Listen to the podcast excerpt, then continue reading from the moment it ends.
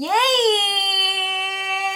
Baik kan Nanya dan Devi kawan kis Balik lagi di podcast kawan kis Alfa Yes yes yes Devi pakai kacamata udah kayak orang ini belum sih? Sangat intelektual bu kelihatan ya Bukan, bukan, bukan Harusnya kayak gue orang- pakai juga Iya, harusnya Ke- Tapi gue bukan kayak ini kan Bukan Apa? kayak oma kan Enggak, enggak, enggak Enggak. Lu seperti mbak-mbak reportase Yang ada di berita-berita tuh. Amin ya Allah. Iya, Semoga nantinya bisa membawakan sebuah berita. Ya eh Eh tapi hari ini kita juga mau ngebawain berita sih. Betul. Beritanya tapi rada-rada ini ya. Kenapa tuh bu? Rada-rada ke ke sesuatu hal yang baper nggak sih? Enggak ya? Kalau Hmm. kayak gitu. Agak-agak sih bu Karena ini sih? menyangkut perasaan Oh, juga iya juga sih. Perasaan antara dua insan Wah. Yang menjalin suatu hubungan tentunya Wow. Dia kayaknya kalau kita ngomongin satu hal ini nggak bakal lepas dari namanya hubungan sih bu. ah hubungan? Ha-ha, kan suatu hal yang ini bakal kita omongin ini kan Hmm. timbul ketika ada interaksi antara dua Oh orang. iya benar benar Lu benar. nggak bisa sendirian, masa lu mau itu ke diri sendiri? Enggak dong. Iya, iya, enggak dong. Eh, tapi kalau ngomongin soal yang bakalan kita bawain ini, yes. ada temen gue yang dia tragis banget karena dia itu pengen post a picture Yes. Dikirim ke seseorang Ah. karena dia nggak punya seseorang yang spesial itu. Oke. Akhirnya dikirimin ke temennya. Oke. Dan itu adalah ke Devi ngirimnya. Mau tahu siapa? siapa? Denny. Gak tahu kenapa. Tanya nggak heran sih ketika dengernya. Serius sih, jadi nih anak ngapain eh, ngirim foto ketika dia kayak muka muka bangun tidur tuh gimana sih? Yes, yes, yes. Kayak gitu Mungkin kan. dia melihat, eh gue terlihat seksi. enggak. Dan harus menyiarkan itu kepada seseorang gitu, Cuma Bu. mukanya doang yang Oke. dikasih tunjuk mukanya doang kan. Terus habis itu ya udah lo ngapain ngirim kayak gini? Dia bilang kayak Yes. gitu kan. Aku tuh pengen PAP tapi nggak ada yang aku tuju. Ya udah aku kirim ke kamu. Jomblonya dia kasihan banget ya. Ih, tapi masih mending bu kalau gue itu kebiasaannya adalah PAP tapi ke close friend di Instagram Oh. jadi dilihat oleh oke. beberapa orang yang gue jadiin close friend ah, kayak gitu Cuma orang pilihan doang ya. Yang agak narsistik juga ya bu ya Em, benar.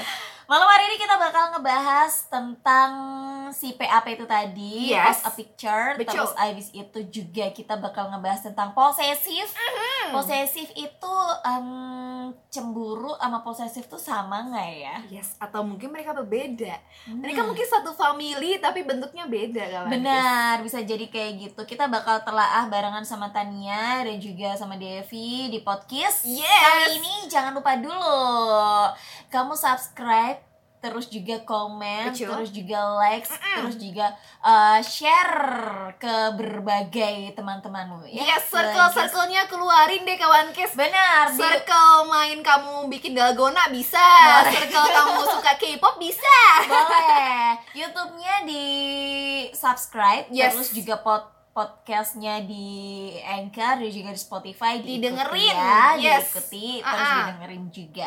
Oke malam hari ini kita bakal ngebahas soal post uh, picture atau posesif duluan nih. Betul, mending kita ngomongin tentang posesif dulu Posesif dulu. Karena oke. itu adalah sub dari posesif Oh Ya kan? baik baik. Heeh. Si posesif. Jadi posesif itu kalau menurut lo gimana sih? Nya? Kalau menurut gue posesif itu adalah ketika lu memaksakan kehendak Mm-mm. dari yang lu punya ke orang lain, Bu. Hah? Gimana tuh? Jadi lu punya suatu kehendak nih. Nah, Mm-mm. terus lu maksa orang itu untuk mengikuti apa yang lu mau. Jadi di situ ada kata maksa sih. Oke. gitu. Di Oh. posesif. Oh yes yes yes yes yes. Mm. Like gini, lo mesti ngasih kabar ke cowok lo ketika cowok lo itu udah eh, ketika cowok lo tuh pengen banget tahu kabar lo gimana sih yang kayak kayak gitu kan sih? Lebih ke ini sih, Bu, kayak maksa misalnya nih si ceweknya kalau gue sebagai cewek Heeh. punya cowok nih dan Heeh. cowok gue misalnya posesif. Oke. Nah, di situ di mana dia bilang kayak lu pokoknya harus di rumah jam 9 oh kayak Kalau gitu. lu lebih dari jam 9 gue pasti marah kayak Oh, gitu. alah. Jadi di situ nggak ada yang namanya kompromi, Bu. Jadi Hmm. apa kata dia harus diikutin. Jadi cuma satu belah pihak doang ya. Betul. Ibarat kalau tawar menawar tuh cuma dari penjualnya doang gitu. Ih, Si kok pembelinya gitu harus ngikutin. Nah masalahnya gue gak pernah diposesifin. Eh diposesifin sih. Cuman tipe-tipe kayak Devi kayak gini kan gak bisa diposesifin ya, ya? Iya ya, apalagi ya, lu kan suka ke mana-mana nah, bu. Ya Temenan juga sama siapa aja ya kan? Dilanggar lah Extrovert lagi. itu. Itu menjadi suatu hal gak sih bu ketika lu punya pacar yang posesif uh -uh. Tapi lu ada jiwa yang jiwa bebas? Eh sesuatu hal yang itu uh, eh, mm, gue ngerasa di penjara sih. Iya, gue juga punya pengalaman kayak gitu soalnya. ya, kayak gitu. Masalahnya kita nggak bisa diem ya? Iya, nggak bisa di dalam kamar terus cuma chat doang. Ya kali. Masalahnya hidup nggak cuman you aja gitu Betul, kan. nggak bisa kita disuruh pulang di rumah jam 9 tuh nggak bisa Nah. Kelar siaran aja jam 9 bener apalagi zaman zaman kuliah lo Hmm. ikut uh, UKM Wah, betul sekali Apalagi UKM-nya pada saat itu adalah paduan suara yang mana dia uh, latihannya malam, kelar tengah malam, Yes, apalagi ah. kalau mau lomba kan harus banget tuh latihan tiap hari sampai Mm-mm. tengah malam kayak Yoi, gitu. yoi, yoi Ya udah sih. Langsung alamat berantem terus gak sih sama si Doi? Iya, Yes Oh berarti lu baru mengalaminya ketika masa perkuliahan dong ya? Ah, masa SMA juga. Langgeng bener bu sama yang posesif masa SMA itu lebih ke ini sih dianya mungkin ya yang memendam Hmm. memendam eh, wah ini anak kok nggak bisa diposesifin sih Yes, yes, kayak yes. gitu Eh, lebih ke dia ngelarang gue untuk keluar sama temen cowok Hmm. kayak kayak gitu sih itu antara posesif dia cemburu sih Yes, uh, terus lu gimana tuh Bu ketika punya pacar yang posesif dan lu adalah jiwa bebas nih ya, ekstrovert parah. nah, lu gimana sih cara nanggepin hubungan itu gitu? Pasti kan susah dong, ada struggle-nya dong.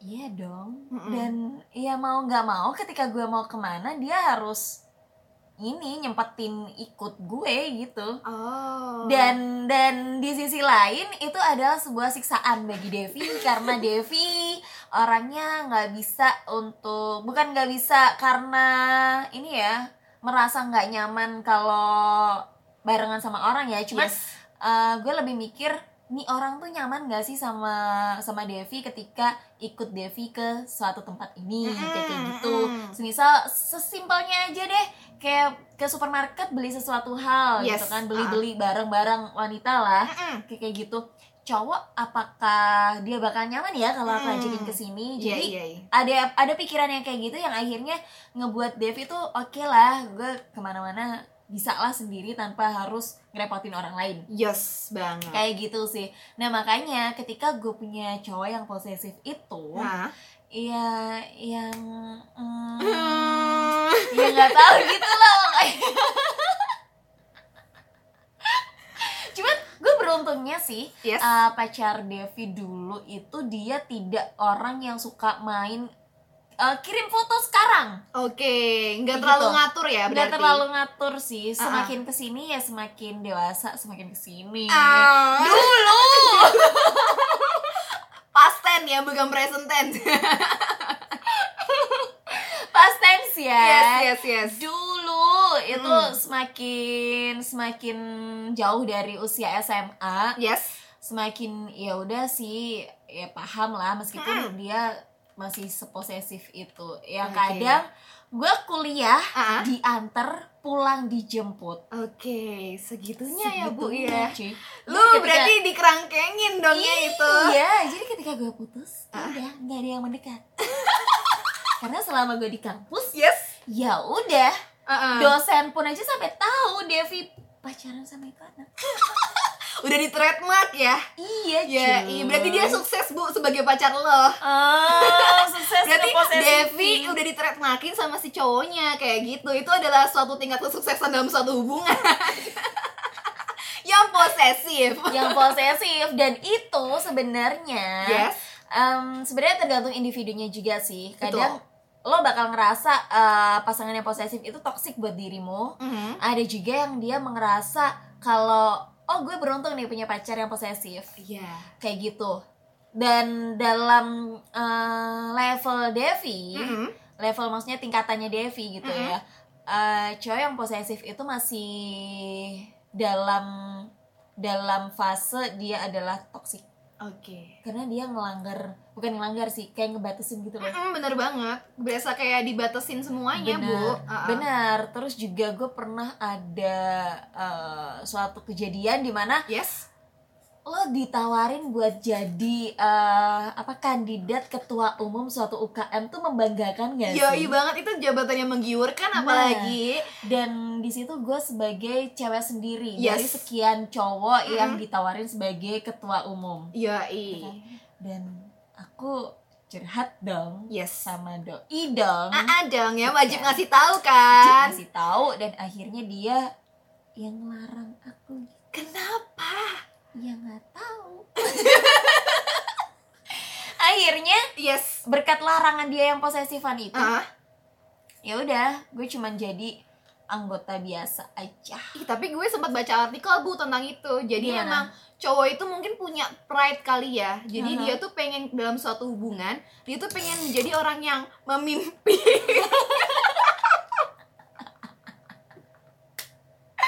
lanjutkan Jadi dia tuh pengen menjadi orang yang sosok pemimpin gitu loh bu dalam suatu hubungan. Gak pengen mungkin dari segi ceweknya tuh mendahului apa yang dia punya. Misalnya nih ya, benar benar lu benar, punya benar, si cowok lu punya mobil A nih ya Mm-mm. lu kondisinya masih punya motor waktu itu Oke. eh tapi by the time lu makin berusaha lu jadi punya mobil juga dan itu jadi lebih bagus daripada cowok lo Hmm. Itu menjadi dari segi, segi cowoknya tuh kayak punya merasa kayak tersaingi gitu loh bu berarti dia dan mereka nggak ya? suka ah, ah, dan nggak suka kalau disaingin ah, Kayak gitu. begitu Itu sih. That's why mungkin ketika kita dalam suatu hubungan cewek itu biasanya lebih ini apa lebih tinggi dalam hal apa pun ya misalnya bisa dalam pengetahuan, dalam Hmm. pendidikan dan sebagainya. Si cowok tuh kayak agak minder jatuhnya kayak gitu. oh gitu cuma kan nggak harus ngeposesifin kayak gitu mas Nggak harus kan dong. sedih juga diposesifin gitu Iya. Nah kalau lo sendiri posesif eh, pasangan yang posesif menurut Tanya dia eh, toksik atau lo ngerasa beruntung ketika ngedapetin wow Gue rasa dapat berlian gitu ya. yes Kalau aku big no. Ketika dapat pasangannya posesif pasti ngerasa kekekang banget sih di diri aku. Walaupun aku orangnya nggak terlalu ekstrovert maksudnya bukan tipe orang yang suka bergaul ke mana-mana kayak gitu loh bu. oke. Tapi itu emang menjadi suatu hal yang gila gue kalau diginiin gue merasa terkekang nih nggak bisa berkembang nih kayak gitu. Ah iya sih. jadi ketika mendapatkan pasangan posesif gue kayak "Ah, oke. Ini antara yang pertama dilatih menjadi dia menjadi tidak posesif atau yang kedua berarti bye bye kayak gitu aja. Sih gue pernah bu waktu itu SMA sih. Mm-mm. SMA kan zamannya gue tuh anaknya aktif Mm-mm. organisasi osis kayak ah, gitu benar, kan. benar benar. So ikut kegiatan juga kayak ekskul dan sebagainya. Punya pacar di mana dia itu orangnya yang posesif. Oke. Jadi istirahat eh enggak berangkat sekolah istirahat pulang tuh sama dia terus Gils. kayak gitu. Oh Bayang. satu sekolahan. Ya walaupun beda dia IPS gue IPA. Wah, cie, anak IPA ya kayak gitu ngerasain banget di situ dampaknya yang pertama pasti pergaulan berkurang Ah, ah. gue jadi makin banget. punya temen tuh jadi makin dikit karena ngerasa ya waktu gue sama dia terus kayak Iya. gitu kan Ah, Terus waktu pulang sekolah juga sama dia, semuanya sama dia. Jadinya temenan tuh jadi pada berkurang kayak gitu. Oke. Dan teman-teman pun jadinya jauh jatuhnya ngejauh, Bu. ah. Kayak gitu. Itu yang pertama, yang kedua kalau dari segi apa? pendidikan kayak Hmm. nilainya nurun dong karena jadi banyak masalah di posesifin. benar benar benar Tapi di situ gue kayak kayaknya nggak bisa nih kalau kayak gini terus nih. Hmm. Harus dilatih nih orang nih biar nggak posesif kayak Oke. gitu. Caranya ya dengan kalau dia bilang A, gue bilang B kayak gitu dan itu manjurnya manjur Oh. walaupun pasti berdarah-darah sih di awal soalnya pasti berantem terus bu ya nggak sih Iya dong, Mm. pasti karena ibarat ibarat apa ya? Ibarat kata dianya minta A, yes lo nya nggak bisa nerima si A itu. Gitu loh. betul ini sih Hmm. lebih ke belajar gimana caranya negosiasi ya nggak sih bu kayak dalam satu hubungan Mohon maaf bu, Apa? itu hubungan apa pasar? Ada tawar menawar.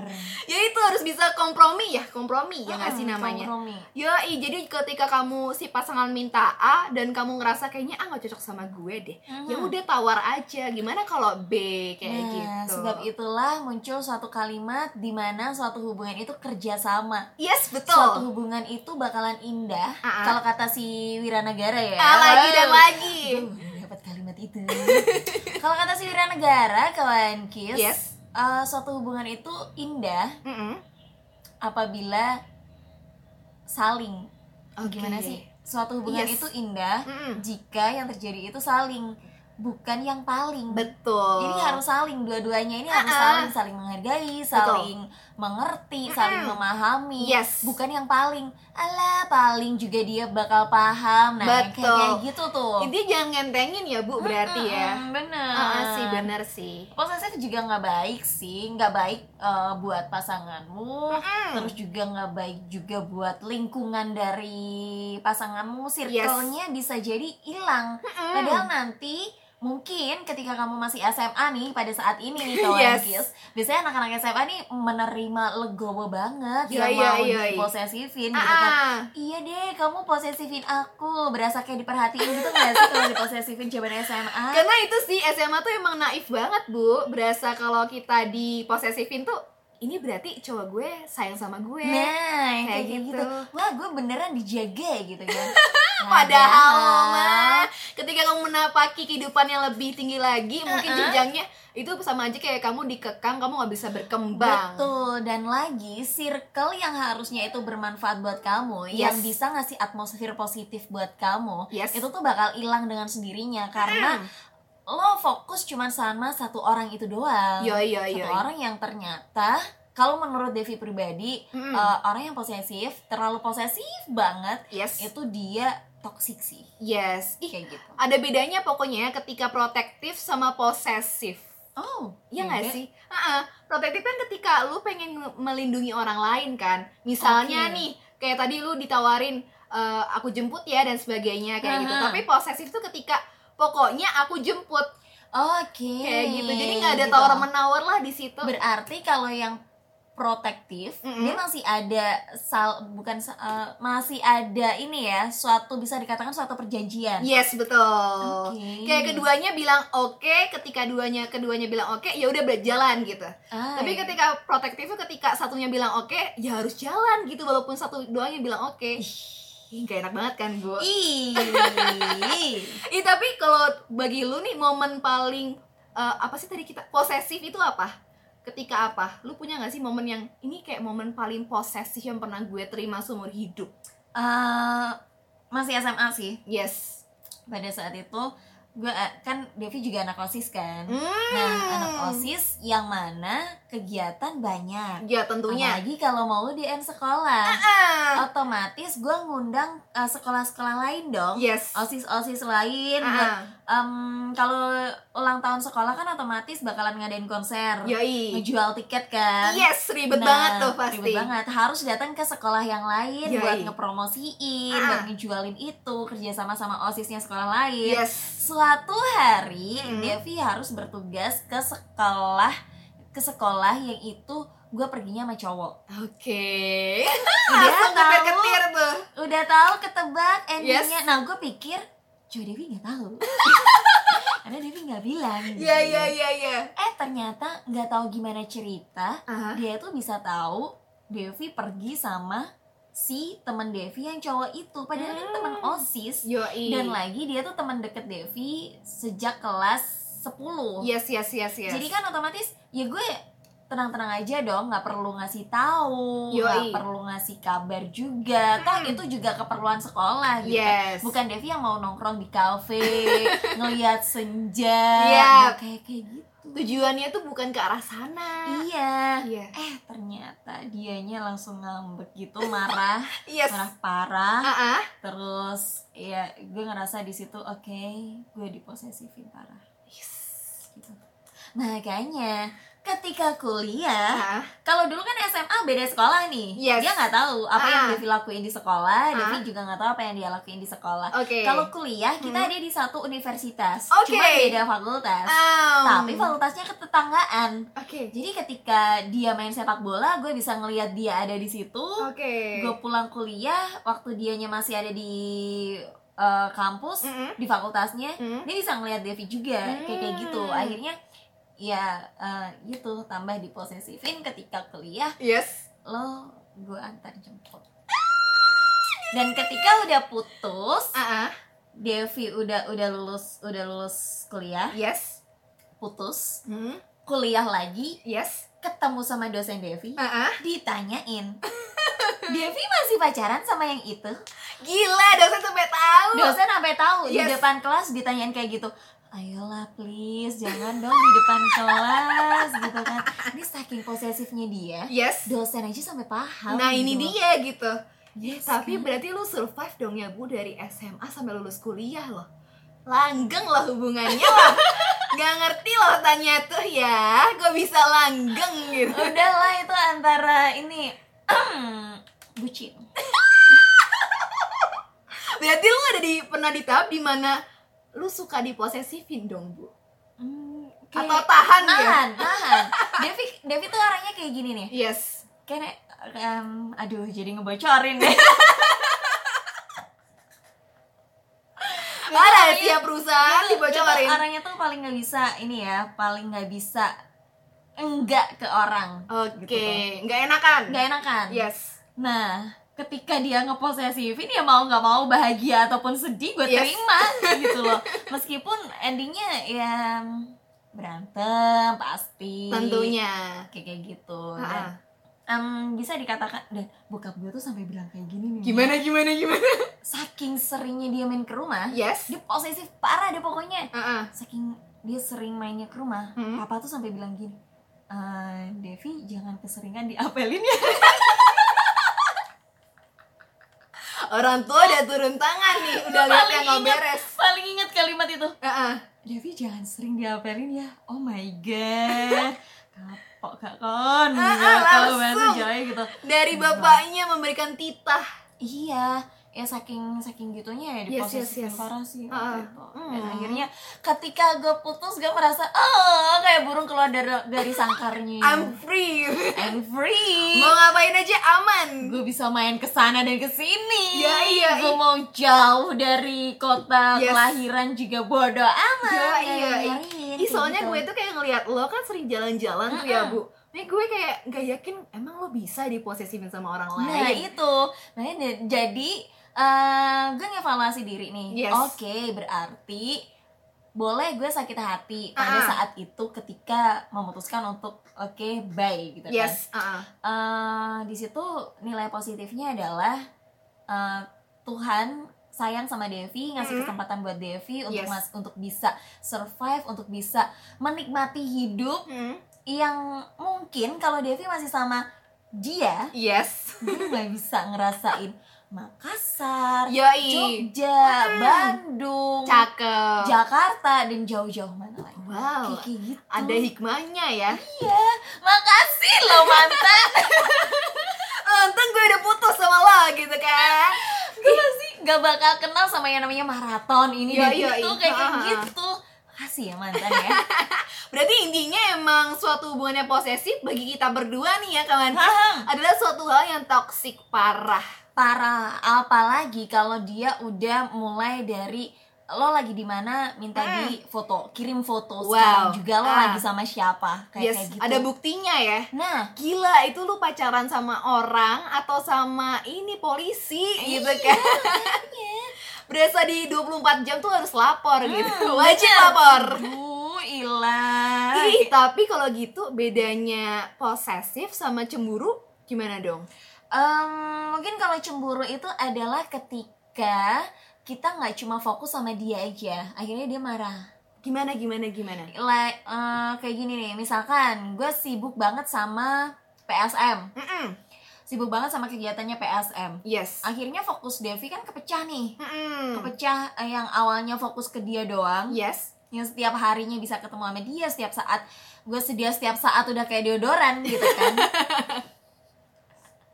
gara-gara sibuk sama PSM sama Am. kegiatan mahasiswa M. akhirnya eh, dia disisihin dulu nih gue Yes. lebih mengutamain se yang lainnya Oke, oke, nah oke. itu dia bakal timbul suatu kecemburuan ketika eh, dia mungkin udah mulai marah udah nunjukin yang muka bete dan sebagainya Yes, yes, yes. itu jadi cemburu itu disebabkan oleh sesuatu hal yang ngebuat fokus kita tuh kepecah Mm-mm. menurut Devi tuh kayak gitu Ya sih emang sih kalau cemburu itu belum tentu posesif ya nggak sih? iya benar Ketika lu mengeluarkan sikap cemburu belum tentu lu bakal apa ya bakal memaksa orang lain buat ikut kehendak lu. Misalnya nih Hmm. kayak tadi kan ada ada yang namanya kehilangan atau pergantian prioritas, Oke. perpecahan prioritas. Mm-mm. Awalnya mungkin lu ketika nggak ada kegiatan apa-apa, ya fokus lu ya ke doi kamu Benar. gitu kan, pacaran all the time, ngebucin Iya. dan sebagainya. Hmm. Tapi ketika ada yang namanya prioritas baru, tentu dong kita ngerasa kayak tersisihkan, ngerasa kayak jealous. Kok dia nggak sama kayak yang dulu lagi ya kayak gitu. Nah. Cuma bedanya ketika sikap cemburu itu ya udah lu bete, lu sedih, lu marah tapi ngomong aja kayak gitu. Yes, dan cemburu itu bukan hanya ke orang person to person ya. Yes. Jadi uh, kalau protektif, posesif itu kan jauh lebih ke kayak yang lo pergi sama ini nggak boleh, lo pergi sama itu nggak boleh, lo Mhm. ngelakuin ini nggak boleh. Gitu kan. Aturan pokoknya. Aturan gitu kan. Tapi kalau cemburu tuh jauh lebih ke ini nih. Em, segala pokoknya segala bentuk kegiatanmu apa yang Mhm. kamu lakuin Yes. Itu kepecah Mm-mm. jadi fokusnya tuh nggak cuman ke satu orang ke satu pasangan kamu itu doang Yoi yoi. tapi kamu kepecah fokusnya ke siapa siapa siapa akhirnya dia bakalan cemburu Betul. entah itu mau ke orang Mm-mm. atau ke aktivitas yang kamu lakuin di kampus Yes. di kantor di Ah, ah. sekolah Ah-ah. kayak kayak gitu sih Ah-ah. Ih, susah sih kalau udah soal hubungan tuh ya pusing kawan kis. iya ya pokoknya eh, yang itu tadi sih segala sesuatunya pasti ada nilai positifnya kelak Yes, bener banget. Jadi harus tetap dijaga juga kawan kiss. Em, jangan sampai kamu juga kepengaruh. Intinya mah kalau misalkan dianya udah ngerasa, lo ngerasa dia itu udah ngerubah hidup lo, Yes, udah ngerubah ke sisi yang negatif ya, betul. Eh, udah ngerubah menjadi kamu yang aku ngerasa nggak nyaman nih di tempat ini, Mm-mm. kayak kayak gitu. Aku Hmm. nggak ngerasa nyaman nih sama dia. Itu berarti Yes. dia udah menjadi toksik Yes, yes, yes, kayak yes. gitu. Sebagai contohnya kayak gini, em, mungkin buat kamu berbangga hati lah ya ketika punya pasangan yang beb lagi di mana? Ah lagi nongkrong nih beb gitu Yes, kan. yes, yes. Kirim foto dong kayak gitu. Ah, ah. Yaudah, Post terus kamu foto, picture ya. ah, foto bareng gitu Ah. kan, foto bareng sama teman-teman terus Yes. dikirim ke dia. Mm-mm. Nah, ada suatu saat di mana apa yang lo lakuin itu Mm-mm. akan menjadi bumerang untuk hidup lo. Mungkin ketika kamu udah nggak sama dia lagi. Yes. Like beberapa hari yang lalu Devi itu baca di Twitter. Jadi ada suatu thread dari Yes. cewek yang Mhm. mana dia itu dulu waktu pacaran si cowoknya tuh minta ini, minta foto waktu ya? dia eh, eh, pap pap pap gitu waktu Ah. dia di mana. Yes. Kayak gitu. Ah, ah. Terus ujung-ujungnya Mm. Ya gini ya buat yang SMA SMA nih please banget kalau misalkan ya cowok lo minta foto Yes. ya fotonya yang wajar aja nggak usah yang aneh-aneh karena di Twitter itu yes. ketika cewek itu udah putus sama Ah. si cowoknya Ah. si cowoknya tuh nyebarin foto-foto si Aduh. cewek itu dan Mm-mm. fotonya yang ya di Ya, luar you kewajaran know lah ya yang kayak gimana. Haha. Ini berarti emang sih kalau kita dalam suatu hubungan nih ya, emang kan pasti ada landasan percaya di situ. Betul, Tapi Mbak. ketika mungkin lu memutuskan untuk berakhir, kan pasti namanya ada yang namanya masalah. yes. Dan ketika masalah itu mungkin dari pihak lu bisa menerima, tapi dari pihak yang lain nih nggak bisa nerima nih. benar Pasti bakal ada namanya rasa percaya itu pasti bakal hilang dan Hmm. akhirnya ya udah sesuatu yang udah terjadi sebelumnya keburukan-keburukan yang pernah lu share atau mungkin lu pernah berbagi bersama Haha. bisa dengan mudahnya dia sebar kawan Nah, kayak gitu benar. yang bahaya Kayak, kayak gitu bahaya Hmm. nih. Jangan bukan berarti gini ya. Ketika eh, lo udah diajak main ke rumah, udah Yes. dikenalin orang tua, udah Ah. dikenalin keluarga besar, yes bukan berarti lo harus eh, percaya 100% sama dia. betul Terus sekali juga bukan berarti apa yang kamu lakuin Hmm. itu tuh dia harus tahu 100%. yoi ini Bukan sih berarti juga dia harus tahu tentang dirimu 100%. 100% pasangan yang udah yang udah resmi aja Ya. ini pasti ada sih sesuatu hal yang diumpetin betul gitu. ah ah. karena ada yang privacy lah katakanlah Yes. itu privacy setiap Mm. individu ya jadi em, sekalipun itu orang tuamu ah dia nggak berhak tahu tentang Iya. ya yang pengen kamu jadiin privacy itu apa dia Betul. nggak berhak tahu Uh-uh. kayak kayak gitu sih soalnya kalau kadang kita sebagai manusia pasti punya sisi di mana kayaknya ini cukup gue aja sih yang ah, tahu. Oh, benar. Dan ya udah kalau emang kamu ngerasa itu adalah hal yang sama privasi, jangan memaksakan diri buat nge-share ke orang lain. Betul. Entah itu ke orang tua atau mungkin ke pacar, ke sahabat, ke teman, ya udah keep aja ke diri sendiri kayak gitu loh. Uh, uh, bukan dengan ini ya, bukan berarti karena lo cinta jadi lo ngasih tahu ke semuanya. Betul. No no no. No no no no. no. Ibarat kata nih ya Bu ya, kayak soal orang pacaran aja pasti bakal bisa putus gitu nah, loh kalau nggak sampai bener. ke ending. Orang nih. yang gitu nikah mungkin maaf nih ya bisa juga ada suatu potensi di mana hubungannya berakhir kayak Hmm. gitu jadi mending kamu percaya ke diri sendiri aja deh 100% gak usah ke orang lain kayak nah gitu yang kayak kayak gitu dan juga pastinya kalau balik lagi ke si uh, post a picture itu Yes, tadi ya uh-uh. jadi pada intinya ke One Kiss kalau kamu mulai dari uh, sejak sejak kemarin-kemarin ini Ah, ah. punya suatu kebiasaan yang post a picture Ah. pap ke pasanganmu yes please itu tolong difilter lagi Betul ya sekali. boleh kalau mau kirim foto Ah, ketika ah. kamu nongkrong sama teman-teman Yes. cuman ya harus ada batasnya dibatasin jangan setiap menit lo kirim foto Ah, ah, ah. setiap jam lo pindah tempat kirim foto pindah tempat kirim foto Yes. Maaf itu hubungan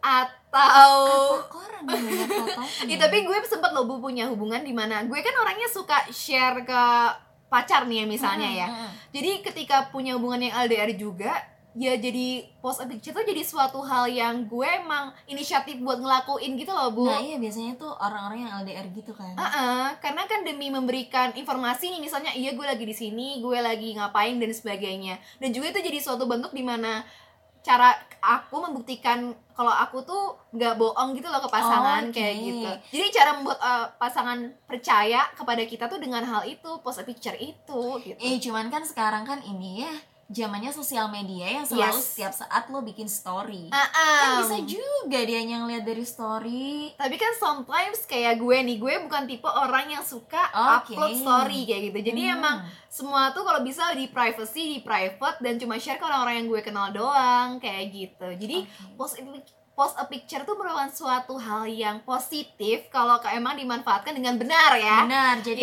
harus difilter lagi lah pokoknya. Iya itu yang paling filter, jangan gampang percaya sama orang 100% Nah, Posting atau memberikan foto yang secukupnya aja kata benar. India. Sekarang nih ya, eh, iba- eh, bukan ibaratkan, imajinasikan, bayangin, Ah, ah. bayangin udah lo udah pap foto pap pap ke pasangan lo, terus habis itu hubungan berakhir. Ada eh, satu pihak yang nggak terima akan kondisi seperti itu Yes banget. terus di share ke sosial Mm. media karena yang di Twitter itu di share ke sosial media Iya bu. di share ke sosial media si cowok bikin fake account gitu Aduh. kan Cowoknya nggak fake account lagi. nah bikin fake account terus dia upload fotonya Yes. Kayak kayak gitu Dan ceweknya jadi Iya korban. ceweknya yang jadi korban Ah. nah kalau misalkan mau disalahin Hmm. ya nggak siapa yang salah terus Yes, ya dua-duanya sebenarnya ya. iya kan Cuma sayangnya yang ke, yang ke blow up tuh pasti dari segi korbannya. nah iya Pelakunya mah gitu. aman-aman aja kan di fake aman. account. Iya bener Cuman ketahuan juga sih Karena kan ngirimnya cuman ke cowok itu doang Ah, iya sih. ah. Ini berarti satu perilaku di mana ya lu tolong mohon maaf ya lu kayak mau memblow up orang tapi nggak mikir keselamatan diri sendiri. Nah iya gitu Jadi eh, harap berhati-hati deh mulai dari sekarang Yes. Kalau kamu masih ingin mengejar masa depan yang bagus Cerah, yang cerah, aman. eh, eh, Karena jejak digital tuh udah Aduh mau lu take down juga susah bu gitu Iya. kan iya kalau lu anak orang yang berpengaruh maksudnya kayak yang gampang semuanya bisa serba cepet serba beres aman. Aman. Tapi ketika ya orang biasa yang ada kasus kayak gitu ke blow up ya bisa apa lagi kayak gitu kan. Benar. nge-report pun kalau cuma sendirian yang nge-report ya nggak bisa juga di take down. Gue ngebayangin ada di posisi si cewek itu. Aduh nggak kebayang sih kalau gue. kayak yang eh, ketemu orang tua aja aduh gimana ya? Mikir beribu-ribu kali Berasa nggak kayak- siap. kayak yang langsung gini wah kayaknya gue bakal coret nih dari kakak. Langsung sih tapi magicnya dari kekuatan suatu keluarga ya nih bagi Mm-mm. gue tuh keluarga tuh adalah tempat di mana sehancur-hancurnya kamu ya mereka tuh pasti bakal terima gitu loh bu. Nah iya sih. Gitu kawan bener. Ya pokoknya mah harus berhati-hati. Ya kawan Kis, apalagi buat yang para pelajar nih. Yes Ah, ah. yang lo masih ini masih jauh banget jalannya Yoi. yang ada cita-cita pengen sekolah kedinasan dan Mm. sebagainya Yes. yang mulai dari sekarang mohon silahkan difilter Yes. yang ya ambil baik-baiknya positif-positifnya aja lah karena Iya. juga em, sebenarnya nggak cuma pelajar doang sekarang Mm-mm. eh, para para pencari pekerjaan pencari pekerjaan pencari pekerja Yes. Jadi, Pekerjaan. Enggak Oh, bukan pencari pekerja Yang nge-hire ya? yang nge-hire Yes. para para para tim rekrutmen itu Uh. juga bakal ngelihat sosial media Oh dia iya. bakal ngelihat uh, jejak digitalmu Mm-mm. kalau nih di zaman sekarang misalkan lima tahun sebelum lo ngelamar pekerjaan itu Yes. uh, lo ada jejak digital yang itu negatif Mm-mm. udah pasti langsung menghancurkan pintu rezeki gak sih Iya, gue pernah denger juga nih, jangankan jejak digital ya, nama email aja dijadiin masalah gitu Nah, ketika nyari kerja. Betul banget. Gitu kan, Kayak- kayak Kis? gitu tuh. Uh-uh. Mulai dari sekarang silakan difilter mana yang baik dan mana yang enggak ya kawan Kis. Yes, Harus lebih cerdas lagi. Yes, waspadalah, waspadalah, waspadalah. Sampai ketemu di podcast selanjutnya. Thank you. Bye-bye. Bye. Ih, kok loading? Emang gitu dia kalau lama di ini Lama di- dipanjer gitu loh. Oh, alah. Ini pusat.